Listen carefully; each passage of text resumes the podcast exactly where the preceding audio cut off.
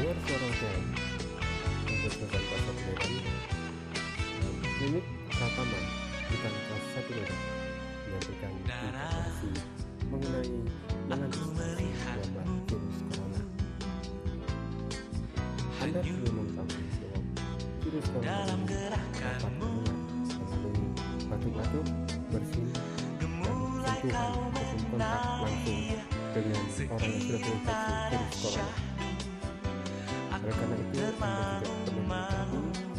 segera melaporkan ataupun memeriksakan ke klinik atau dokter Anda untuk gejala-gejala umum sebagai berikut.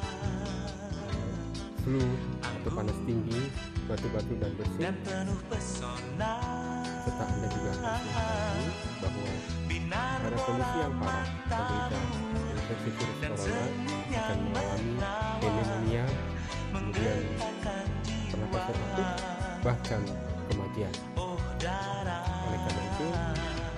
WHO merekomendasikan cara pencegahannya antara lain pastikanlah Anda selalu cuci tangan juga masaklah makanan dengan matang khususnya daging.